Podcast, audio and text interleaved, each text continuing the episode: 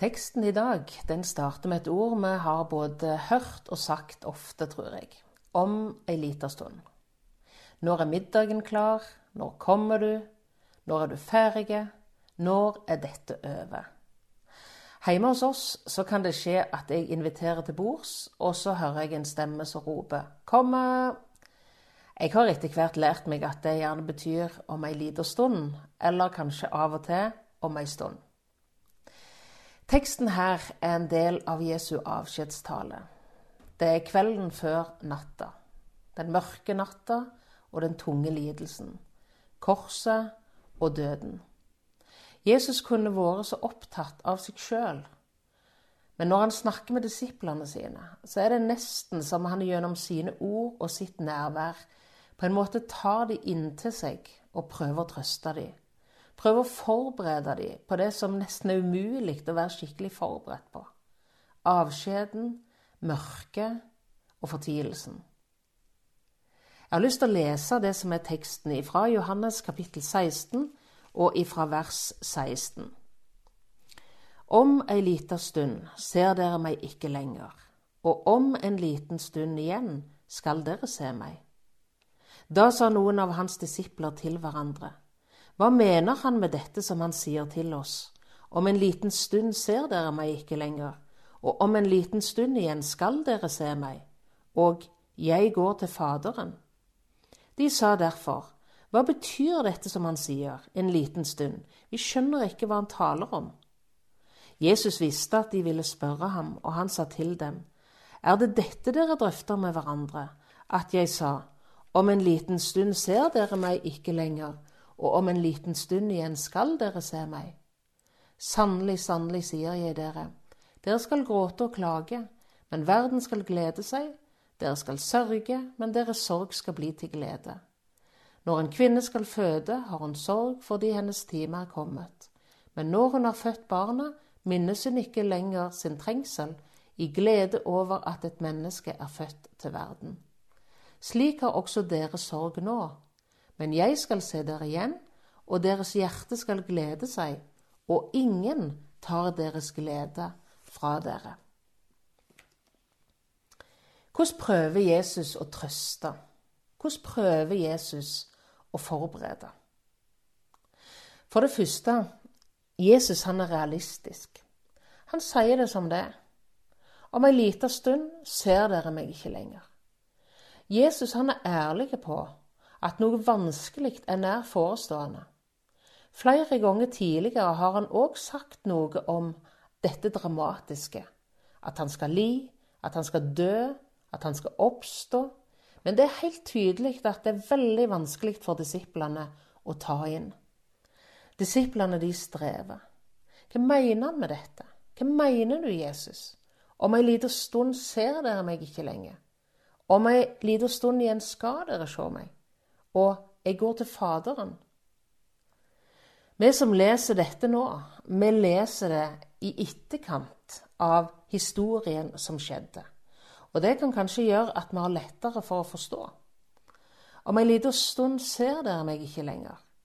Det er altså langfredagen sitt, sitt store mørke, sin store fortvilelse. Jesus som pines og dør. De følger han til begravelsen. Legg han i grava. Jesus er borte. De ser han ikke lenger. Om ei lita stund ser dere meg ikke lenger. Så kommer morgenen, lyset, håpet, oppstandelsen, den første påskedagen, gjensynet. Om ei lita stund skal dere se meg igjen. Jesus han møtte disiplene sine, vennene sine. Han møtte Maria, han møtte de tolv eller de elleve. Han møtte Emmausvandrerne. Han møtte Thomas. 40 dager leser vi om Jesus, der vi ser glimt av hvordan han møtte disiplene sine. Flere ganger på ulike måter. De så han, de så han med egne øyne. Og det er derfor de omtaler seg sjøl som øyenvitne til oppstandelsen. Men Jesus var jo sammen med dem i denne perioden på en annerledes måte. Og så hadde han sagt 'Jeg går til Faderen'. Etter 40 dager så kommer vi til Kristi himmelfartsdag. Til den dagen når Jesus igjen samler og understreker den store proklamasjonen meg er gitt all makt i himmel og på jord. Og så gir han disiplene det store oppdraget. Gå derfor ut i hele verden. Og så kommer det avgjørende løftet.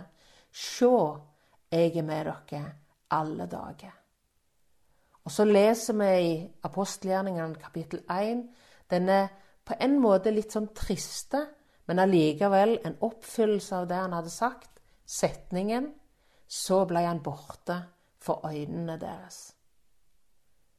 Jesus ble borte. Jesus ble tatt opp til himmelen.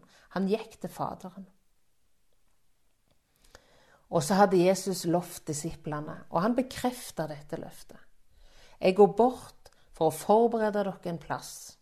Så skal jeg komme igjen, så skal dere være der jeg er. Jeg går bort, dere ser meg ikke. Så kommer jeg igjen, dere skal se meg, og vi skal være sammen for evig. Om ei lita stund ser dere meg ikke lenger, om ei lita stund skal dere se meg. Jesus sin trøst det knyttes altså på mange måter til løftet om gjensyn. Til løftet om gjensyn og om et fortsatt nærvær. Jesus sier jo til disiplene i denne avskjedstalen jeg skal ikke forlate dere farløse.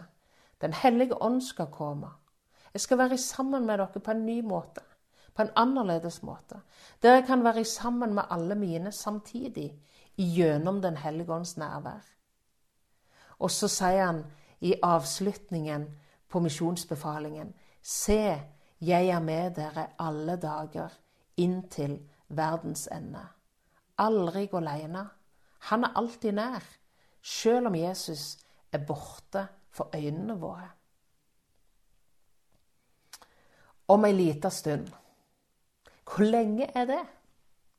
Ei lita stund. Du kan spørre et barn på julaften. Som, tenk på et barn på julaften som spør når kan vi åpne pakkene? Og så svarer den voksne om ei lita stund. Å, det er jo kjempelenge. Eller det er snakk om prosjektet som vi har gående i kjelleren. Nå er det ferdig. Når er det ferdig? Jo, om ei lita stund. Vi lever i en spesiell situasjon og tilknyttet korona og, og sykdomsfare, smittefare og smittevern. Når er det over? Det er vel dette spørsmålet vi går med alle. Og det er vel ingen som tør å si ei lita stund. Signalene er ulike og usikre.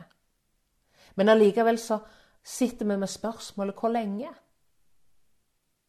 Eller vi kan gå til løftet som Jesus ga disiplene sine om at han skulle komme igjen. Nå kommer du, Jesus. Om ei lita stund. Disiplene venta hele sin levetid på Jesu gjenkomst. Kommer du snart, Jesus? Og Peter han skriver i sitt andre brev om noen mennesker som spotter og sier, kapittel 3 og vers 4, hvor er det blitt av løftet om hans gjenkomst? Kommer han virkelig? Vi ser ikke noe til han. Nå har vi venta på Jesu gjenkomst i 2000 år, og vi venter fremdeles. Og tenk at vi vet at han kommer. For han har sagt det. Om ei lita stund skal dere se meg. Hvordan kan vi håndtere ventetida? Eh, det utfordres vi jo på i disse tidene, både som samfunn og som enkeltmenneske. Ventetid er det mulig å bruke den på en god måte? Er det mulig å finne mening som gjør dem hjelpsomt og nyttig? Vi vet jo at ventetid der vi har noe å være opptatt av, noe å holde på med, noe å glede oss over, går mye fortere og oppleves mye enklere. Det er jo ikke for ingenting at NRK begynte med programmet Kvelden før kvelden og Mens vi venter. I dag har jeg lyst å minne oss om at Jesus han har gitt oss noe å holde på med. For det første så har Jesus gitt oss livet. I Efeserbrevet kapittel 2 og vers 10 så leser vi denne setningen her. Om gjerninger som ligger ferdige for at vi kan vandre i dem. Tenk at og, og, uh, disse dagene òg har himmelen tenkt på. I denne spesielle ventetida så har vi mer enn våre mer begrensa liv å tenke på. Våre begrensa liv, våre hverdager, kan, der kan vi bety noe for andre og for hverandre. Vi kan ta en telefon, vi kan ta en prat, vi kan gå en tur. Vi kan be noen bønner. Vi kan søke Gud i Bibelen og på andre måter. Vi kan gjøre vårt arbeid på den måten vi har anledning til. Vi kan vise omsorg og omtanke for noen. Og som vi har hørt så mange ganger i denne tida her, ta godt vare på hverandre. Ta godt vare på andre. Og så har Jesus gitt oss oppdraget, misjonsbefalingen. Dette er fremdeles ikke noe som er avslutta. Vi kan fremdeles være med på å dele Jesus, evangeliet, budskap om veien til himmelen og det evige livet med andre mennesker. Med vår familie, våre naboer, våre kollegaer. I vårt lokalsamfunn, i vårt land. Ja, helt ut til andre mennesker, helt til grensene. Til alle i hele verden. Fremdeles er det mulig å realisere dette, òg i ei tid som denne. Leve med Jesus i hverdagen, i bønn og givertjeneste. Og Jeg har lyst til å minne oss om at i disse dager så trenger misjonen ekstra bevisste givere som er med og støtter misjonen økonomisk, selv om møte- og kollektkorget ikke lenger er der på vanlige måte. Jeg hørte om en gutt som venta på at faren skulle komme hjem. Ventetida den ble lang. Kvelden ble sein, og øynene de ble tunge. Etter hvert så spør han mor etter noen lege som han likte å holde på med. Mor lurte på hvorfor. Jo, sier gutten, da tror jeg det blir lettere å vente og lettere å holde seg våken. For han var blitt så trøtt av bare å vente. I tillegg så har Jesus gitt oss én ting til i ventetida, og det er håpet og løftene. Jesus han er fortsatt realistiske. Livet er ikke bare en smal sak. Det kommer vanskelige tider. I teksten vår så nevner Jesus ordene gråt, klage og lengsel. Ord som vi kan kjenne oss igjen i. For vi har våre tider i livet som preges av dette. Av sykdommen, av ensomheten, usikkerheten og angsten. Og som kristne så kan vi oppleve faser der vi synes at Jesus er ute av syne. Kan du merke deg bildet Jesus bruker her i teksten, om ei kvinne som skal fø? Da kan vi ane spenningen, usikkerheten og smerten.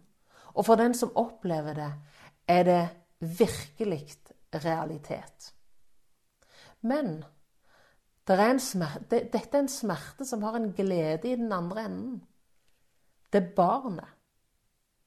Sorgen skal bli til glede. For den som tror på Jesus, så er ikke mørket, usikkerheten og fraværet det siste. Tenk at det fins et håp. Det fins ei framtid. Det er ei glede som skal vare. Jeg har lyst til å lese om igjen det siste verset i teksten.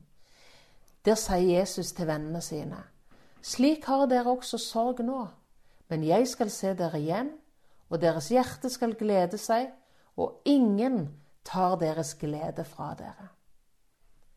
Og så er det sånn vi kjenner livet. Sånn er naturen. Etter vinterens mørke dvale kommer atter en vår. Vi nyter dager der vi ser spor av vår. Blomster, knopper, kjenner varmen ifra lufta og sola og ser glitteret i sjøen. Og sånn er mitt liv sin historie. Sorgen og gleden. Så er det kortere eller lengre perioder. Men det er tungt med vinterdvale i livet.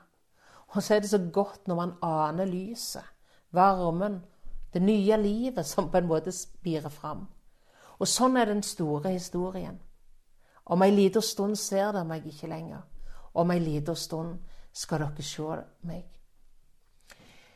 Jobb denne mannen som vi leser om det i Det gamle testamentet. Han som opplevde den store trengselen, lidelsen og mørket. Han som mista alt og skjønte seg på ingen måte på Gud, og ropte sine spørsmål både til Gud og mennesket. Midt inn i hans eh, smerte og lidelse så leser vi at han uttaler i Jobbs bokkapittel 19 vers 25. Men jeg, jeg vet at min gjenløser lever, og som den siste skal han stå fram på støvet. Midt i mørket holdt Jobb fast i løftet om håp og lys og framtid. Mørket er ikke det siste. Om ei lita stund så er det over. Jeg har lyst til å avslutte med en liten historie. Det er fra en søndagsskole. Temaet det var om når Jesus var i Getsemane. Og så spør søndagsskolelæreren barna om eh, Når han forteller dem om engelen som kom for å trøste Jesus, så spør han de små hva tror dere at engelen sa til Jesus? Og så var det ei liten jente som retta opp hånda, og så sier hun Jeg tror at engelen sa Ikke vær lei deg, Jesus, for jeg skal nok komme første påskedag og ta steinen bort. Jeg tenker at dette er nydelige ord for det store håpet, det levende håpet. Mørke, usikkerhet, fravær og død er ikke det siste. Engelen kommer. Jesus kommer. Og da er det sant. Ingen skal ta deres glede fra dere. Amen.